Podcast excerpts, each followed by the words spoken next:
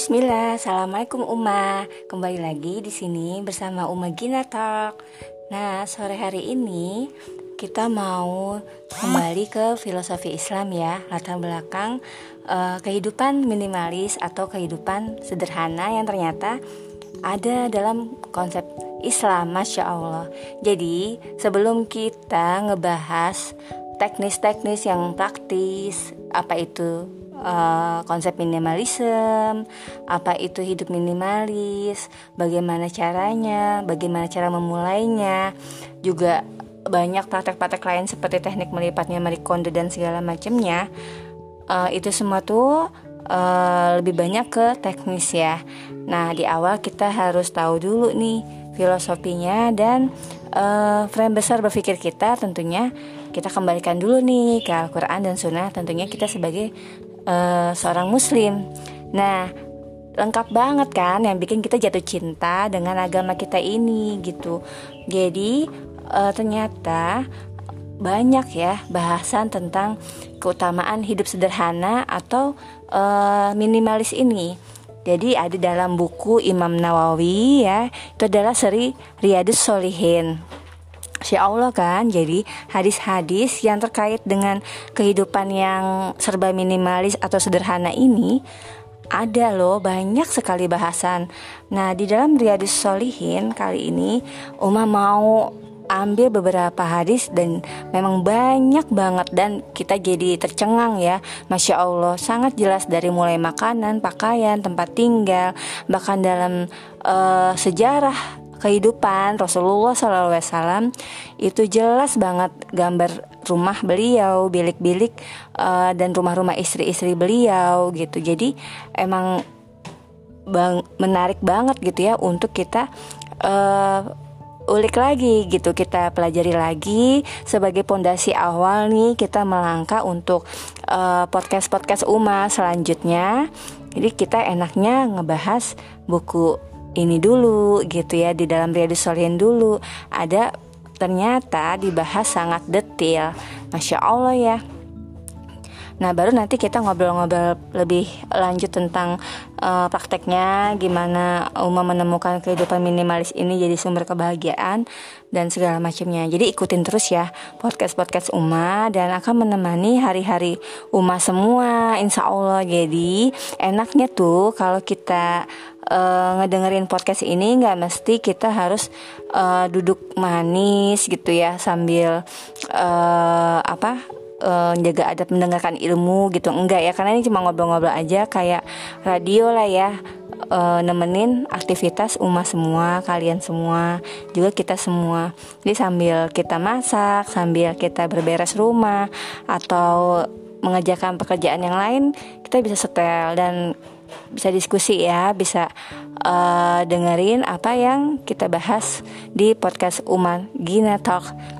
Nah sore ini kita mau lihat keutamaan hidup sederhana ya.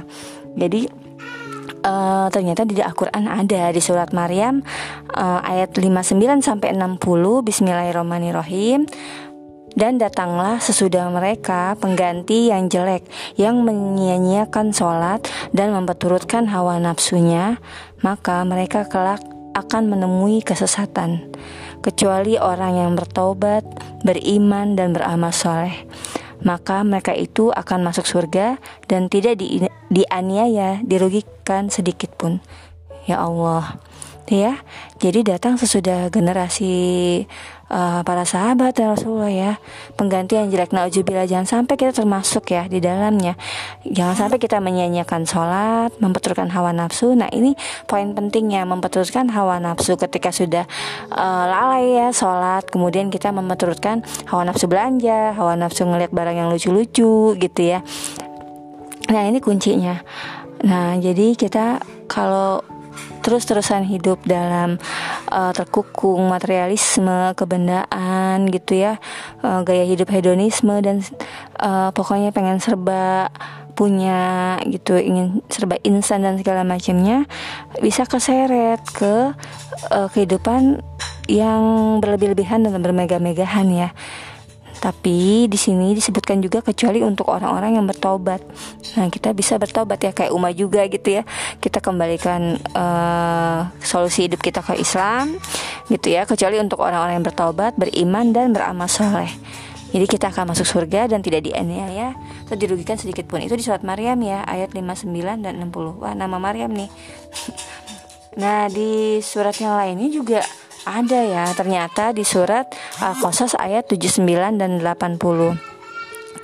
Maka keluarlah Korun kepada kaumnya dalam kemegahannya Berkatalah orang-orang yang menghendaki kehidupan dunia Moga-moga kiranya kita mempunyai apa yang telah diberikan kepada Korun Sesungguhnya ia benar-benar mempunyai keberuntungan yang besar.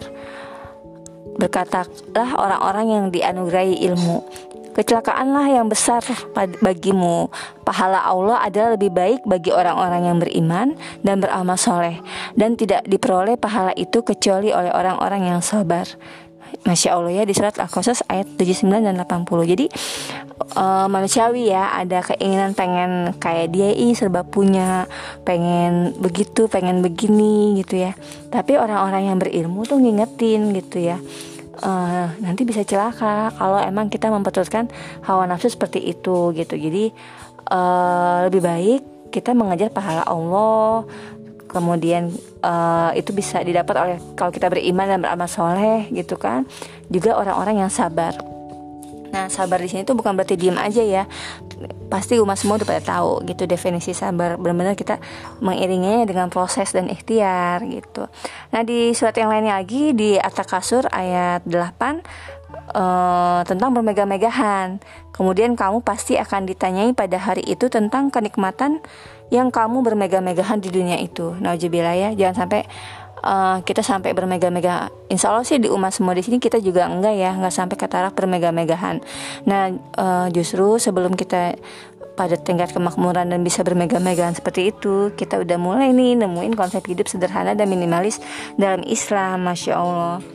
Nah, terakhir di dalam surat Al-Isra ayat 18 Barang siapa menghendaki kehidupan sekarang atau duniawi, maka kami akan segerakan baginya di dunia. Di dunia itu apa yang kami kehendaki bagi orang yang kami kehendaki. Dan kami tentukan baginya neraka jahanam, nauzubillah ya. Ia akan memasukinya dalam keadaan tercela dan terusir. Nah ini ya kita nggak mau seperti ini, jadi kita termasuk orang-orang yang sabar aja gitu. Kita nggak akan uh, minta duluan gitu ya kenikmatan kenikmatan duniawi. Tapi terakhir ujung-ujungnya kita di neraka jahanam bilang menjelek nggak mau ya. Tapi insya Allah Allah nanti akan memberikan kehidupan yang baik kok janjinya rezekinya itu akan berikan kok kepada semua hamba-hambanya yang beriman gitu. Jadi ayat-ayat tentang tema hidup sederhana ini banyak katanya ya ternyata dalam Al-Quran di buku ini dibilang ayat lain tentang tema ini sangat banyak dan populer populer gitu ya. Nah mungkin malu banget kita buat yang belum tahu dan emang nggak uh, buka-buka atau ngulik-ngulik Quran lagi gitu ya. Ternyata ayat-ayat tentang kehidupan sederhana tuh banyak di Al-Quran. Nah, kita praktisnya gimana? Kita lanjut ke hadis. Ada hadis pertama nih ya, uh, eh, 491 itu hadis uh, diriwayatkan dari Bunda Aisyah radhiyallahu anha. Nah, ini dari mutafak alaih ya. Uh, Bunda Aisyah radhiyallahu anha berkata, keluarga Muhammad tidak ada yang pernah kenyang dari roti gandum selama dua hari berturut-turut sampai meninggal. Mutafak alaih. Ya, dalam riwayat lainnya, keluarga Muhammad tidak pernah kenyang dari gandum semenjak datang ke Madinah selama tiga malam berturut-turut sampai meninggal. Masya Allah ya. Jadi juhudnya keluarga Rasulullah SAW ya dari dunia bukan saja dari kebutuhan pokok doang gitu. Beliau pernah loh mendapat tawaran gunung emas, namun beliau menolaknya, gitu ya. Hingga akhir hayat beliau tidak pernah menimbun makanan satu tahun untuk diri sendiri gitu dan keluarga. Nah kita alhamdulillah juga enggak ya gitu. Paling makanan bulanan nih. Nah ini bahasannya akan menarik lagi ya. Nanti di podcast selanjutnya kita bahas tentang belanja bulanan gitu. Nah sebab setiap kali menyimpan barang Beliau langsung sedekahkan untuk orang-orang yang membutuhkan. Maka tidak ada lagi yang disimpan untuk keluarganya. Jadi uh, bikin sumpek juga sih ya nimun-nimun barang nggak ada tempat di rumah. Jadi uh, yang nggak nggak pernah kita pakai sama sekali sebaiknya kita sedekahkan ya hibahkan. Di praktek minimalis itu bahkan boleh ya untuk menjual gitu. Nanti uangnya bisa untuk kita membantu atau sedekah atau buat kebutuhan urgen yang lainnya itu diperbolehkan Nah, uh, masya Allah ya, itu hadis yang pertama tentang hidup sederhana. Terus hadis yang keduanya di hadis 492 Hmm, itu riwayatnya dari mutafak ilaih juga ya masya allah jadi uh, pewaris hadis uh, yang masyur tuh juga uh, meriwayatkannya ya. Di sini Urwah meriwayatkan dari Aisyah dari Bunda Aisyah radhiyallahu anha. Dia berkata demi Allah hai anak saudaraku kami pernah melihat bulan sabit lalu melihat bulan sabit. Sebanyak tiga kali bulan sabit dalam dua bulan. Sementara di rumah-rumah Rasulullah SAW tidak ada api yang dinyalakan. Dimasak gitu ya Ya aku katakan bibi, jadi apa yang menghidupi kalian? Kalau nggak masak gitu ya, nggak ada api kompor gitu ya, api yang dinyalakan. Dia menjawab al aswadan yakni korma dan air. Gitu al aswadan yang ada di rumah yakni korma dan air. Jadi yang uh, nutrisi dari kurma itu ya masya allah ya. Dan tapi Rasulullah tuh eh, Rasulullah SAW mempunyai beberapa orang tetangga Ansor ya di Madinah itu. Mereka mempunyai unta dan mengirimkan susunya untuk Rasulullah SAW lalu beliau memberi minuman susu kepada kami. Jadi ada pemberian susu juga. Jadi tetap memperhatikan nutrisi dalam untuk keluarga ya masya Allah. Nah, pelajaran-pelajaran dari hadis pertama dan kedua ini diperbolehkan memberitakan apa yang terjadi dalam rumah jika hal itu tidak menimbulkan kemudaratan secara syar'i. Apalagi uh, tujuannya ibunda Aisyah radhiyallahu anha itu kan untuk menjelaskan hukum syar'i ya yang bersifat uh, jadi bukan untuk pengaduan atau mengeluh gitu. Jadi untuk gambaran kepada kita uh, umatnya gitu ya bahwa kondisi seperti ini ya nggak apa-apa. Jadi kita nggak gampang jadi or, uh, orang yang mudah mengeluh apalagi di tengah pandemi seperti ini. Nah ini sangat penting banget nih, masya Allah ya. Nah yang kedua tuh pelajaran dari hadis yang kita udah dengar tadi tidak ada salahnya menyebutkan hal-hal yang spesifik untuk keteladanan atau perumpamaan jadi kalau di status WA Uma ada ini ini sebenarnya itu lebih kepada mengajak sih ya, bukan untuk niat macam-macam. Jadi buat inspirasi aja. Jadi dibolehkan ya hal-hal spesifik untuk perumpamaan. Nah, hadis ketiga ada lagi nih yang menarik dari hadis uh, nomor 493 Abu Said Al-Makburi meriwayatkan dari Abu Hurairah radhiyallahu anhu bahwa dirinya pernah melewati suatu kaum yang di antara mereka terdapat kambing bakar. Mereka memanggilnya namun ia menolak. Uh, untuk makan Saya berkata Rasulullah SAW keluar dari dunia ini dan belum pernah sempat kenyang dari roti gandum hadis riwayat Bukhari nah di hadis ini ada semangat ya dari sahabat uh, untuk mengikuti Rasulullah SAW uh, eh, serta mereka membatasi makanan yang dapat membangkitkan sahwat atau gairah ya. Jadi gak kebanyakan makan uh, daging gitu ya. Ini bukan berarti kan Rasulullah dan para Rasulullah SAW dan para sahabat tidak pernah kenyang gitu. Mereka makan makan secukupnya gitu ya. Jadi uh, terdapat sebuah hadis cukuplah bagi anak Adam beberapa suap untuk dapat menegakkan tulang punggungnya. Jadi ini resepsi sebenarnya. Karena Uma udah tahu sih hadis ini dari dulu ya. Yang bikin kok uh, Uma kok badannya segitu-gitu aja sih. Kok nggak berubah dari zaman SMP, SMA, kuliah ya begitu-gitu aja. Karena memang makan itu nggak pernah sampai yang perut kenyang banget sih. Malah nggak enak gitu ya, begah gitu. Jadi makan secukupnya aja. Se uh, bukan berarti terlalu dikit juga ya tapi memang kita udah menakar uh, porsi untuk kesehatan kita gitu ya untuk bisa buat aktivitas gitu kalau nggak makan juga uh, sosokan nggak makan nasi misalnya sebagai orang Indonesia gitu ya pusing juga gitu harus ketemu nasi gitu uh, ya seperti itu ya jadi uh, makan secukupnya lanjut. Aduh tambah seru nih. Bosan nggak? Kalau bosan ya di skip aja ya. Cuma ini tuh bener-bener kayak sebuah inspiring banget buat Uma. Ternyata di kehidupan minimalis itu kita nggak usah yang wow wow banget dengan uh, konsep di luar luar sana. Karena ya mereka kan belum tahu ya. Mudah kita doain dapat hidayah.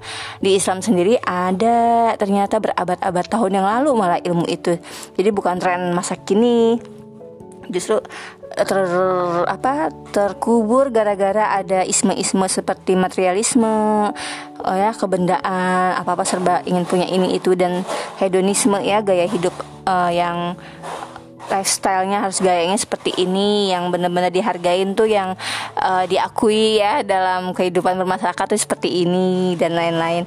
Nah itu sayang banget akhirnya ter apa uh, terkubur ya pelan-pelan gitu bahwa ternyata di Islam tuh konsep hidup minimalis tuh ada. Lanjut ke hadis 4 keempat ya. 4 hadis ke-494 ini dari uh, hadis riwayat Bukhari ya.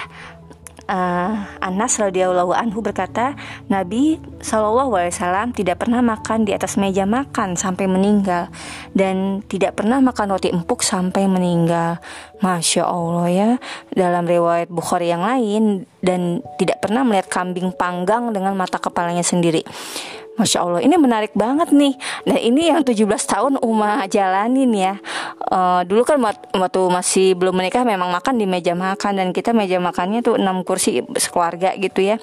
Nah ketika berkeluarga tuh bener-bener tuh makan dari pertama menikah tuh sampai sekarang ya di bawah gitu. Jadi bahkan untuk naro hidangan masakan tuh sementara aja di meja biar nggak diganggu kucing dan yang lainnya gitu ya Nah kalau udah ya kita makan semua hidangan diturunin tuh ke bawah gitu ya di lantai. Nah ternyata masya Allah ya Rasulullah pun sampai meninggal tidak pernah makan di atas meja makan dan melihat kambing panggang, kambing guling itu, Uma juga baru sekali-kalinya tuh ngelihat waktu itikaf ya, uh, apa uh, berdiam diri di masjid ya kalau bulan Ramadan 10 hari gitu ya. Nah panitia membuat kejutan atau peng, apa ya, buat relax uh, apa rekreasinya. Peserta yang 10 hari udah nggak berhubungan dengan dunia luar gitu ya. Cuma di masjid aja gitu kita disuguhin pemandangan kambing guling yang dibakar gitu. Itu baru sekali sekalinya tuh seumur hidup ngelihat. Nah ini uh, masya allah ya. Jadi pelajaran hadis ini Rasulullah SAW dijadikan sebagai perumpamaan terindah dalam hal juhud ya dan keberpalingan dari kebiasaan orang-orang kaya penduduk di dunia ini. Ini sebagai teladan bagi orang-orang kafir, orang-orang fakir ya, maaf jadi hadis ini nih sebagai teladan kita nih bagi orang-orang yang fakir, pelipur lara dan ini pelipur lara bagi kita ya yang papa yang nggak punya. Kendati pun tidak wajib sih dilakukan oleh manusia gitu ya. Namun eh, orang-orang yang papa yang nggak punya yang nggak punya kebendaan lah ya nggak punya meja makan nggak punya ini itu nggak perlu bersedih. Oh ternyata Rasulullah kecintaan kita ya Habibullah memang nggak punya meja makan juga gitu dan memang nggak nggak melihat gitu ya kambing utuh gitu ya dibakar gitu. Uh, pelipur Allah kita lah bahwa membuktikan bahwa orang yang menyambut dan kenyataannya gitu ya membuktikan bahwa orang-orang yang menyambut keinginan hawa nafsunya kemudian sahwatnya itu akan menyatu ya hawa nafsu sama sahwat. Kalau dilepas begitu aja akan mendorongnya melakukan kemaksiatan ya. Najibillah menjalik ya. Mungkin dengan kita makan berlebihan gitu ya selalu eh, lucu kepengen ini beli selalu mempertulikan hawa nafsu gitu ya. Akhirnya mudah sekali kita melakukan maksiat naujubillah menjalik jadi mengumbar pandangan misalnya ya uh, apa berlaku zalim kepada orang lain gitu atau melawan kepada suami nauzubillah menjalik ya jadi e, bisa gampang gitu melakukan perbuatan-perbuatan dosa. Karena telah sering gitu ya mudahnya kita memperturutkan hawa nafsu gitu. Nauzubillah menjalik ya. Nah di hadis kelima di hadis 495 di hadis riwayat Muslim nih uh, sebelumnya sih udah ada empat hadis dulu ya jadi nanti kita baca lagi gitu ya. Uh, cuma ini memang masya allah sih ya. Uh, banyak sekali uh, tentang roti gandum yang kasar juga. Ternyata diteliti jadi penelitian-penelitian zaman sekarang itu banyak membuktikan hadis-hadis dan ayat Al-Quran ya. Ternyata jauh di dalamnya banyak banget uh, hikmah atau uh, manfaat yang besar gitu ya. Nah ini nih terkait dengan roti gandum yang kasar. Kan suka ya kita lihat di vlog orang uh, di luar negeri sana orang Korea orang Prancis roti-roti yang kasar gitu ya roti gandum yang beneran dari biji kepingan gandum itu yang jadi tren dan bahkan diminati. Ini ada hadis ini berabad tahun yang lalu di hadis ke-6 ya 496 Sahal bin Sa'ad radhiyallahu anhu berkata Rasulullah SAW tidak pernah melihat roti putih semenjak diutus hingga Allah Ta'ala memanggilnya. Ada yang bertanya, apakah di masa Rasulullah SAW kalian mempunyai ayakan? Ia menjawab, Rasulullah tidak pernah melihat makanan yang diayak semenjak diutus hingga Allah Ta'ala memanggilnya. Lalu dikatakan padanya, bagaimana cara kalian memakan gandum yang belum diayak? Ia menjawab, kami dulu menumbuk lalu meniupnya hingga terbanglah kulit gandum itu. Sedangkan yang tersisa kami jadikan adonan. Hadis riwayat Bukhari. Masya Allah ya. Nah ini nih ternyata kepingan-kepingan gandum itu bahkan kayak beras putih aja ya dibahas tuh di dunia kuliner kesehatan. Yang bagus itu malah justru yang masih ada gabah-gabahnya ya. Jadi bukan yang beras putih yang kita makan udah tergiling bersih, jadi sari patinya kita udah nggak dapet gitu. Ya masya Allah ya. Jadi apa terharu banget gitu ya Allah berabad-abad tahun yang lalu tuh Rasulullah tuh udah ngajarin tentang kesederhanaan dan dibalik itu semua tuh ada manfaat yang e, berjuta-juta gitu kayak roti gandum kasar ini gitu ya Nah pelajaran hadisnya itu ya uh, pelajaran seputar juhud ya. Jadi Rasulullah SAW menjauhi kebiasaan orang-orang kaya. Ini enggak kalau kita kadang ngikutin gitu ya kebiasaan orang-orang kaya yang belum tentu ya uh, dari segi ilmiahnya ya kesehatannya belum tentu. Ternyata ini Rasulullah masya Allah luar biasa. Itu ya uh, menarik banget. Jadi ini yang bikin Uma sang, bersemangat banget bikin podcast. Selain untuk diri sendiri tentunya buat adik-adik Uma gitu ya. Buat keluarga ini buat calon mantu. Kalau misalnya ini kan enak ya ada rekamannya gitu ya buat Taki dan calon istrinya nanti gitu uh, kita bisa bikin standarisasi hidup kita ya sesuai dengan apa yang Rasul lakukan gitu. Jadi tenang aja taki gitu ya. Nggak usah gimana gimana kalau mau nikah muda atau gimana. Tetap semuanya diper, dipersiapkan. Itu nggak ada yang mau lagi. Tuh kalau mau dia sederhana banget gitu ya.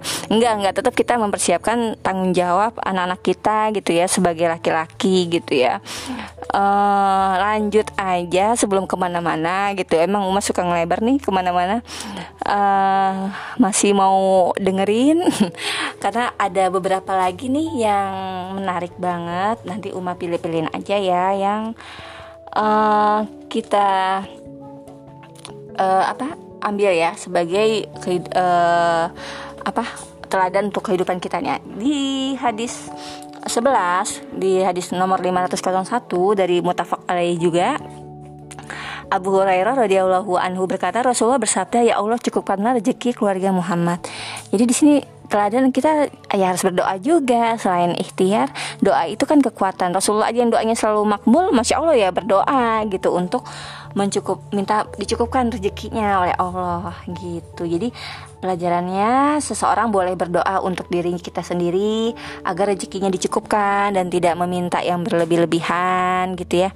Jadi inilah sikap Nabi kita Muhammad SAW di mana Allah tidak mengutus para nabi untuk dunia dan perhiasannya. Tapi bukan berarti uh, nabi kita ya meminta kemiskinan. Beliau bahkan berlindung dari kemiskinan sebab kemiskinan itu ya uh, kebutuhan gak terpenuhi ya jadinya nah Rasulullah kan meminta kecukupan kepada Allah gitu tapi ini juga bukan berarti bahwa kaya itu terlarang jika didapatkan dengan cara halal dan menunaikan hak hak Allah dalam kekayaannya itu gitu ya.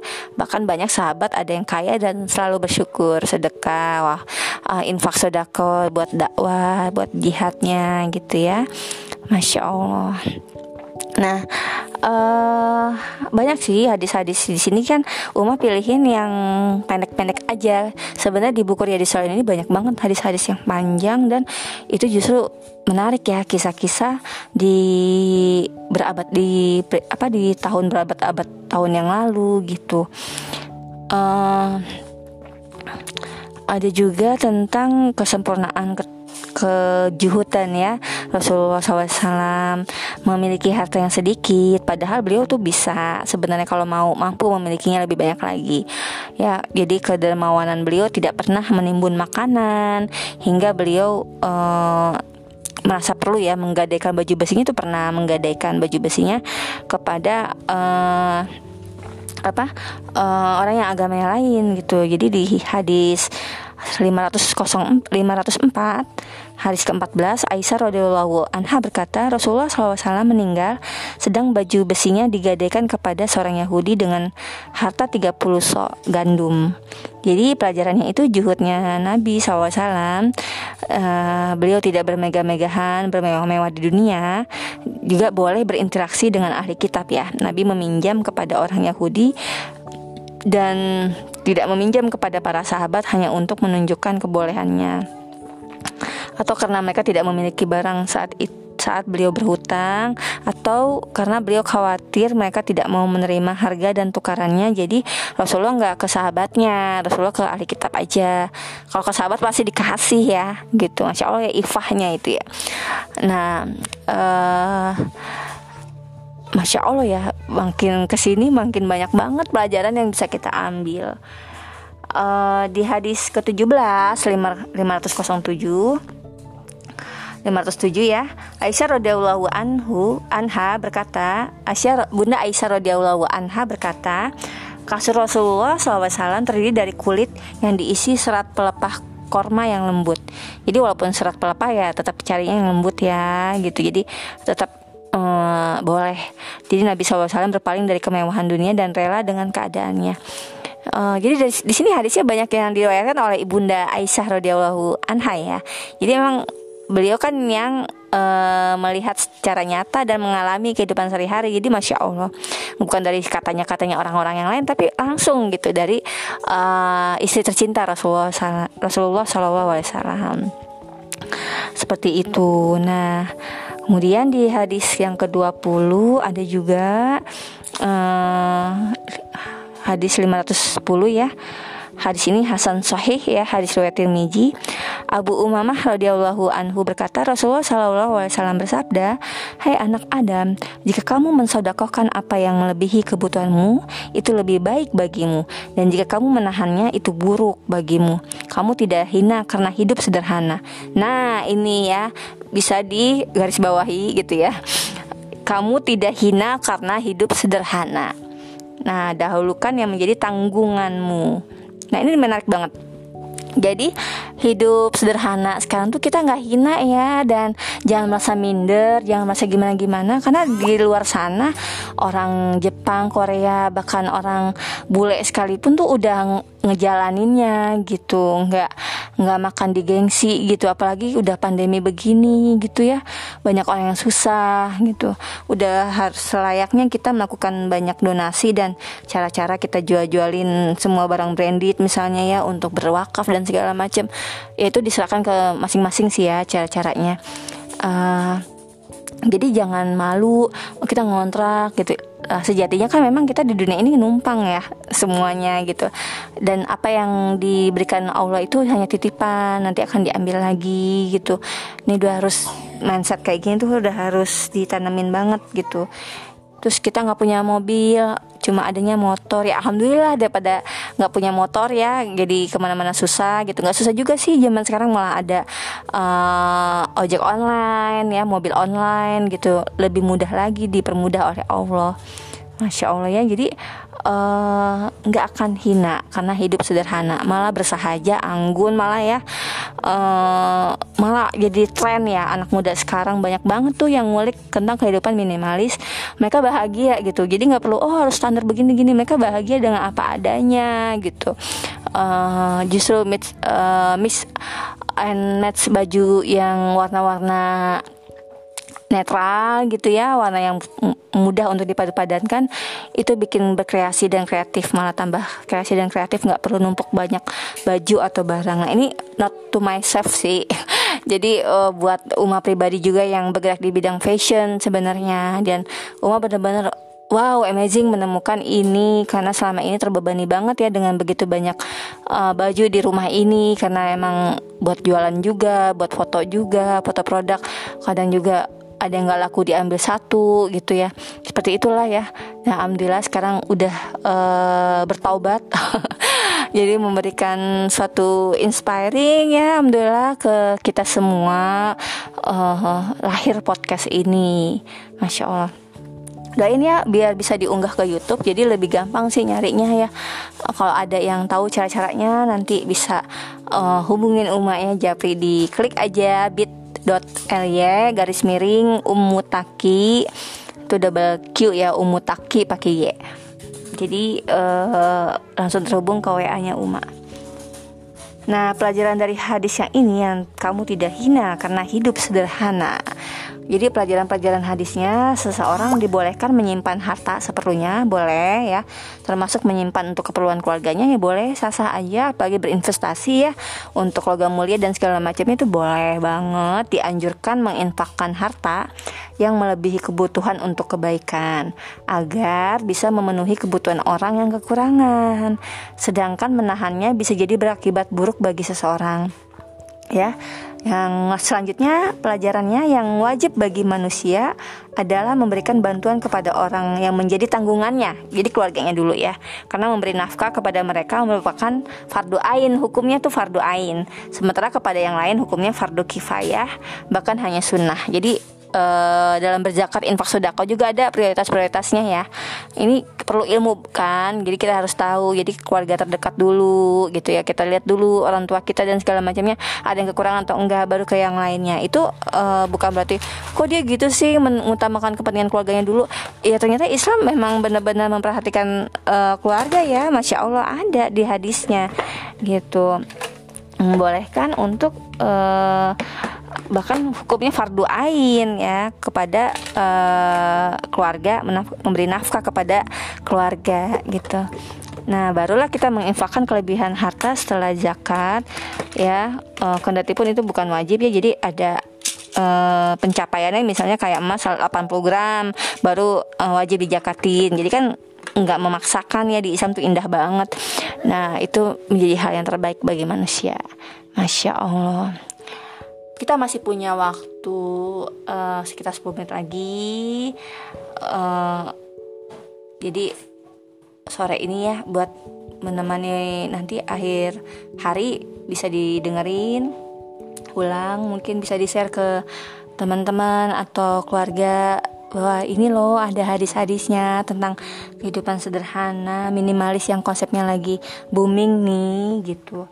Nah, hadis kedua satu 511 uh, hadis riwayat Tirmizi ya hadis ini Hasan uh, dari Ubaidillah bin Misan al Ansari al Katmi radhiyallahu anhu berkata Rasulullah SAW bersabda Barang siapa yang pada pagi harinya merasa aman terhadap dirinya, sehat jasmaninya, dan mempunyai makanan pada hari itu, seakan-akan ia telah diberi dunia dan segala isinya. Masya Allah, hadis riwayat Tirmizi ya.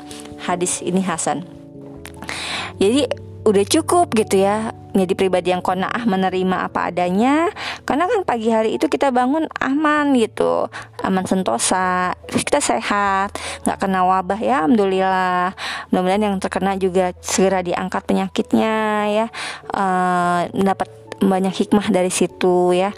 Uh, kemudian kita sehat jasmaninya mempunyai makanan pada hari itu aja nggak mesti yang buat sebulan nyetok gitu ya. Pada hari itu ada makanan kita tuh seakan-akan tuh udah diberikan dunia dan segala isinya. Udah aman gitu ya masya allah. Nah pelajarannya tuh satu barang siapa yang mendapatkan rasa aman dan kecukupan berarti dia telah mendapatkan kebaikan dunia. Ya karena kan di doa kita ya robana atina fid dunia gitu ingin minta kepada Allah. Kita dapat tuh masya Allah alhamdulillah. Yang kedua meminta tambahan. Setelah itu berarti uh, telah uh, berlebihan ya. Jadi membuat kita jadi hatinya kurang bersyukur gitu. Bahkan naujubillah bisa memalingkan kita kepada rahmatnya Allah naujubillah ya nah kemudian uh, di hadis 22 512 Abdullah bin Amr bin As radhiyallahu anhu meriwayatkan bahwa Nabi SAW bersabda, "Beruntunglah orang Islam, rezekinya pas-pasan dan Allah membuatnya ridho terhadap apa yang diberinya." Hadis riwayat Muslim. Nah, ini ada kata kunci lagi rezekinya pas-pasan. Kamu gimana ya? Gini gini gini aja, pas-pasan aja. Eh jangan sedih dan jangan kayak gitu banget nadanya gitu ya. Ya alhamdulillah saya serba pas, pas lagi butuh, pas lagi ada. Nah, gitu tuh maksudnya gitu ya. Masya Allah jadi uh, jadi tambah semangat nih lihat hadis ini. Uh, pelajaran-pelajaran hadis itu jadi kebaikannya itu ujung kebaikannya Islam ya. Hanya dengan Islam amal bisa diterima. Nah ibu syukur banget. Kita jadi orang Muslim dan itu uh, nikmat yang terbesar ya. Nikmat iman. Nah pelajaran yang lagi yang lain lagi jika rezeki sesuai dengan kebutuhan jadi seseorang bisa terpelihara dari kehinaan dan menjaga diri dia ya dari kesewenang-wenangan gitu. Dan juga yang ketiga ini hadis eh, apa hikmah hadisnya tuh kita konaah jadi konaah itu inti kekayaan jadi konaah yang menerima apa ada apa yang telah Allah berikan itu inti kekayaan. Jadi kalau uh, kayaknya umur orang kaya ya enak banget bisa gini-gini. Sebenarnya nggak juga sih uh, belum tahu aja kan gitu gimana perjalanan hidup segala macam itu lebih kepada kona'ah aja menerima apa yang udah Allah berikan gitu dan mengolahnya gitu dan kita ifah ya ngejaga diri dari meminta-minta dan segala macam uh, kita bagusin juga uh, looknya kita. Good looking uh, good looking ya kalau orang sekarang ya ngomongnya. Jadi nggak kelihatan banget kayak orang susah gitu ya. Pokoknya yang ceria banget aja gitu ya. Karena uh, itu inti kekayaan sih konaah gitu ya. Dan kebukti jadi orang ngeliatnya oh kayaknya kamu orang yang the have gitu ya. Padahal mah biasa aja ya bakal anak yatim dulu gitu Nah, jadi uh, dalam sebuah hadis disebutkan Nabi SAW bersabda, bukanlah kekayaan itu banyaknya harta, tapi kekayaan itu adalah kekayaan jiwa. Sah. Ini Rasulullah romantis banget ya dari hadis ini kekayaan jiwa kita itu uh, menggambarkan kekayaan kita gitu makanya namanya Gina ya Gina itu kayak ya gitu jadi bisa juga kayak kayak hati ya. Amin amin. Jadi sombong. Jangan sombong ya astagfirullah. Jadi hadis yang selanjutnya di hadis ke 23 513 hadis 513 Abu Muhammad Fadalah bin Abu Ubaid al Ansari radhiyallahu anhu berkata bahwa dirinya pernah mendengar Rasulullah SAW bersabda, berbahagialah orang yang diberi hidayah menuju Islam dan hidupnya sederhana, lalu ia konaah. Nih hadis yang penting banget nih. Kita bahagia karena diberi hidayah menuju Islam, alhamdulillah hidupnya sederhana, lalu ia konaah. Nah ini nih intinya nih di hadis ke-23 ini Masya Allah ya uh, di riwayat Tirmizi. Jadi benar-benar kita sudah menemukan kebahagiaan hidup, makanya cenderung bahagia ya karena ya udah memberikan udah menemukan hidayah menuju Islam, terus kita hidupnya sederhana, nggak usah yang ngelihat ke atas ya, oh dia begini gini punya ini nggak nggak seperti itu. Kita tuh syukurin yang ada, ngolah yang ada, jadi penampakan dan penampilan di rumah tuh jadi bagus gitu ya, hidup sederhana lalu kona'ah menerima. Kalau emang hidup kita ditakdirkan yang ngontrak begini-gini jadi kita menerima. Ya bersyukur. Nah kita uh, olah tuh. Olah apa yang ada di rumah kita. Mungkin kita cuma punya satu ruangan terus kamar tidur sama dapur. Nah kita olah aja tuh jadi menyenangkan bagaimana. Itu tanda syukur bentuk syukur. Ya nanti kita bahas deh di podcast selanjutnya bagaimana mengolah keterbatasan. Nah, saya ini enak banget nih temanya. Nah, pelajarannya itu tadi kebahagiaan seseorang ada pada kesempurnaan agamanya dan kesederhanaan hidupnya dan kerelaannya terhadap apa yang diberikan Allah kepadanya. Kona. Selain itu dia dapat uh, jika jika berpaling dari situ tuh akan menimbulkan kerugian ya serta memalingkan seseorang dari Allah uh, juga uh, akhirat yang abadi gitu nauzubillah. Nah, itu ya uh, Masya Allah hadis-hadisnya sangat banyak sekali. Ini nggak semua hadis yang Uma bacain buat kita semua. Jadi tersisa dua hadis lagi nih. Kalau masih mau denger, ini bonusnya ya hadis ke-26 516. Uh, ini tentang makanan. Jadi kan uh, kita mungkin ada yang berkurang pemasukannya di pandemi ini gitu ya. Dan standarisasi makan kita jadi menurun gitu ya. Mungkin kita turunkan gitu. Yang tadi biasa jajan biasa begini-begini biasa uh, hangout ya. Misalnya keluar uh, makan di luar sama keluarga. Ini ada hadisnya. Jangan khawatir jangan bersedih ya. Uh, Abu Karimah Mikdad bin Ma'di Karib radhiyallahu anhu berkata, aku mendengar Rasulullah SAW bersabda, perut yang selalu dipenuhi oleh anak Adam lebih berbahaya daripada bejana yang dipenuhi. Cukuplah bagi anak Adam beberapa suap yang dapat menegakkan tulang punggungnya. Jika memang harus begitu, maka sepertiganya untuk makanan, sepertiganya untuk minuman, dan sepertiganya untuk dirinya. Hadis riwayat Tirmizi. Hadis ini sah Hasan ya. Masya Allah Jadi anjuran agar sedikit makan Biar langsing gitu ya. Ini kan good looking Enak gitu ya ngelihatnya. Tapi yang enggak langsing nih memang harus disyukuri juga. Uh, Karena bagus gitu ya badannya berisi gitu. Jadi semua itu harus dalam bentuk syukur lah ya gitu. Karena banyak makan menyebabkan malas dan merusak kesehatan. Alhamdulillah ya uh, banyak banget revolusi makan. Kapan-kapan kita bahas juga di podcast tentang revolusi makan ya.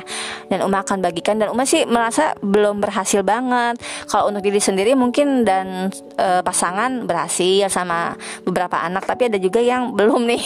Jadi kita PR bersama ya berjuang gitu untuk revolusi makan ini gitu. Nah terakhir terakhir hadis uh, 27 517 uh, hadis riwayat Abu Daud Abu Umamah Iyas bin Sa'labah al Ansori al Haras Harisi radhiyallahu anhu berkata pada suatu hari para sahabat Nabi Wasallam menyebut-nyebut dunia di sisi beliau. Lalu beliau bersabda tidakkah kalian mendengar? Tidakkah kalian mendengar atau Rasul suka mengulang-ulang ya. Sesungguhnya kesederhanaan itu bagian dari iman.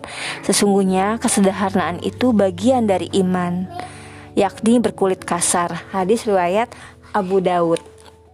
Nah, ini statement yang terakhir dan sangat menyentuh banget ya sesuai dengan bahasan inti tema bahasan kita di podcast hari ini. Sesungguhnya kesederhanaan itu minimalis ya, hidup sederhana yang hidup minimalis itu sebagian dari iman. Masya Allah. Nah kita berdoa mudah-mudahan orang kufar di luar sana yang lagi menggadang-gadang dan mereka tertarik banget dengan minimalisme itu udah perlahan sedikit-sedikit mereka kalau ketahui konsep Islam mereka akan menemukan hidayah dan dan masuk uh, ke Islam. Amin ya. Karena pas tahu oh ternyata di uh, Quran dan hadis ada gitu ya. Ber dan wow amazing. Ini berbulan ber, bukan berbulan-bulan ya. Berabad-abad uh, lamanya berabad-abad uh, tahun lamanya udah dibahas gitu. Jadi bukan dunia hal yang baru gitu ya. Kalau di Islam masya Allah. Jadi mereka berbondong-bondong gitu masuk Islam. Amin gitu ya. Nah ini pelajaran terakhir yang dari hadis ini. Anjuran untuk hidup sederhana minimalis dalam hidup tidak berlomba-lomba untuk mendapatkan perhiasan dunia dan kenikmatan kelihatannya nggak ngerti baju dia bagus ya. Kita tuh biasa aja. Aku kayaknya dia bagus-bagus mulu sih. Kita pengen deh punya baju kayak itu kayak gitu gitu udahlah itu udah bab eh, masa lalu ya gitu. Jangan membuat kita jadinya minder atau gimana gitu ya. Uh, terus apa uh, sebab itu kalau kayak gitu hal tersebut menyebabkan seorang malas mencapai kesempurnaan agama. Jadinya lebih mikirin dunia aja ya serta melemahkannya menunaikan tugas uh, berjihad dengan jiwa dan uh, hartanya gitu ya Nah, yang kedua tuh pelajarannya membiasakan diri dengan berbagai kesulitan untuk mencari kenikmatan hidup di akhirat. Jadi uh, emang berat banget ya buat bangun malam. Kalau terlalu kenyang susah untuk bangun malam. Ya kita membiasakan diri dengan menghadapi kesulitan ya untuk mencari kenikmatan hidup di akhirat. Melaksanakan kewajiban termasuk indikasi keimanan gitu. Jadi tapi ini tidak berarti meninggalkan kebersihan karena kebersihan itu termasuk tuntutan keimanan. Jadi hidup sederhana bukan berarti kumuh gitu ya. Uh, kita harus meningkatkan standar kebersihan kita yang karena itu gambaran iman kita. Jadi tugas kue bebenah mulu uh, kayaknya tugasnya bebenah mulu nih ngelihatnya gitu bersih bersih mulu. Ya karena memang kebersihan itu sebagian dari iman jangan jadi umat Islam yang kotor kumuh gitu ya kalau bersih kan enak dilihatnya good looking gitu kitanya terus rumahnya juga uh, bersih gitu malaikat juga seneng gitu berada di rumah kita gitu ya masya Allah jadi uh, ini juga bukan berarti meninggalkan berhias gitu ya. Uh, boleh kita berhias gitu ya, pakai baju yang bagus gitu boleh. Jika tidak diiringi kesombongan dan kecongkakan. Masya Allah. Sekian dulu dari Uma.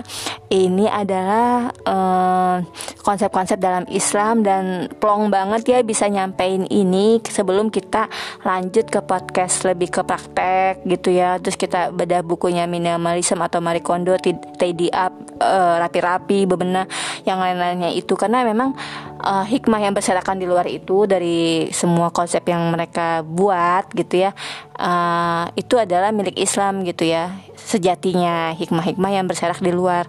Tapi kita sebagai seorang muslim ya udah langsung tahu dong kita kembali du kembalikan dulu semua titik permasalahan uh, ke Al-Quran dan Sunnah dulu. Dan ternyata masya Allah ya kita menemukan banyak sekali mutiara. Semoga dengan ini kita lebih semangat lagi uh, Uma juga mohon maaf kalau ada kekurangan gitu dalam penyampaian. Uh, kita akan uh, belajar bersama ya dan mengamalkan hadis-hadis ini dengan tentu lebih semangat ya kalau bersama-sama. Uh, itu aja podcast sore ini dari Uma. Nah, Uma mau lanjut bikin kimchi. Oke, okay, uh, kita tutup dulu ya dengan alhamdulillah. Astagfirullah kalau salah. Assalamualaikum warahmatullahi wabarakatuh.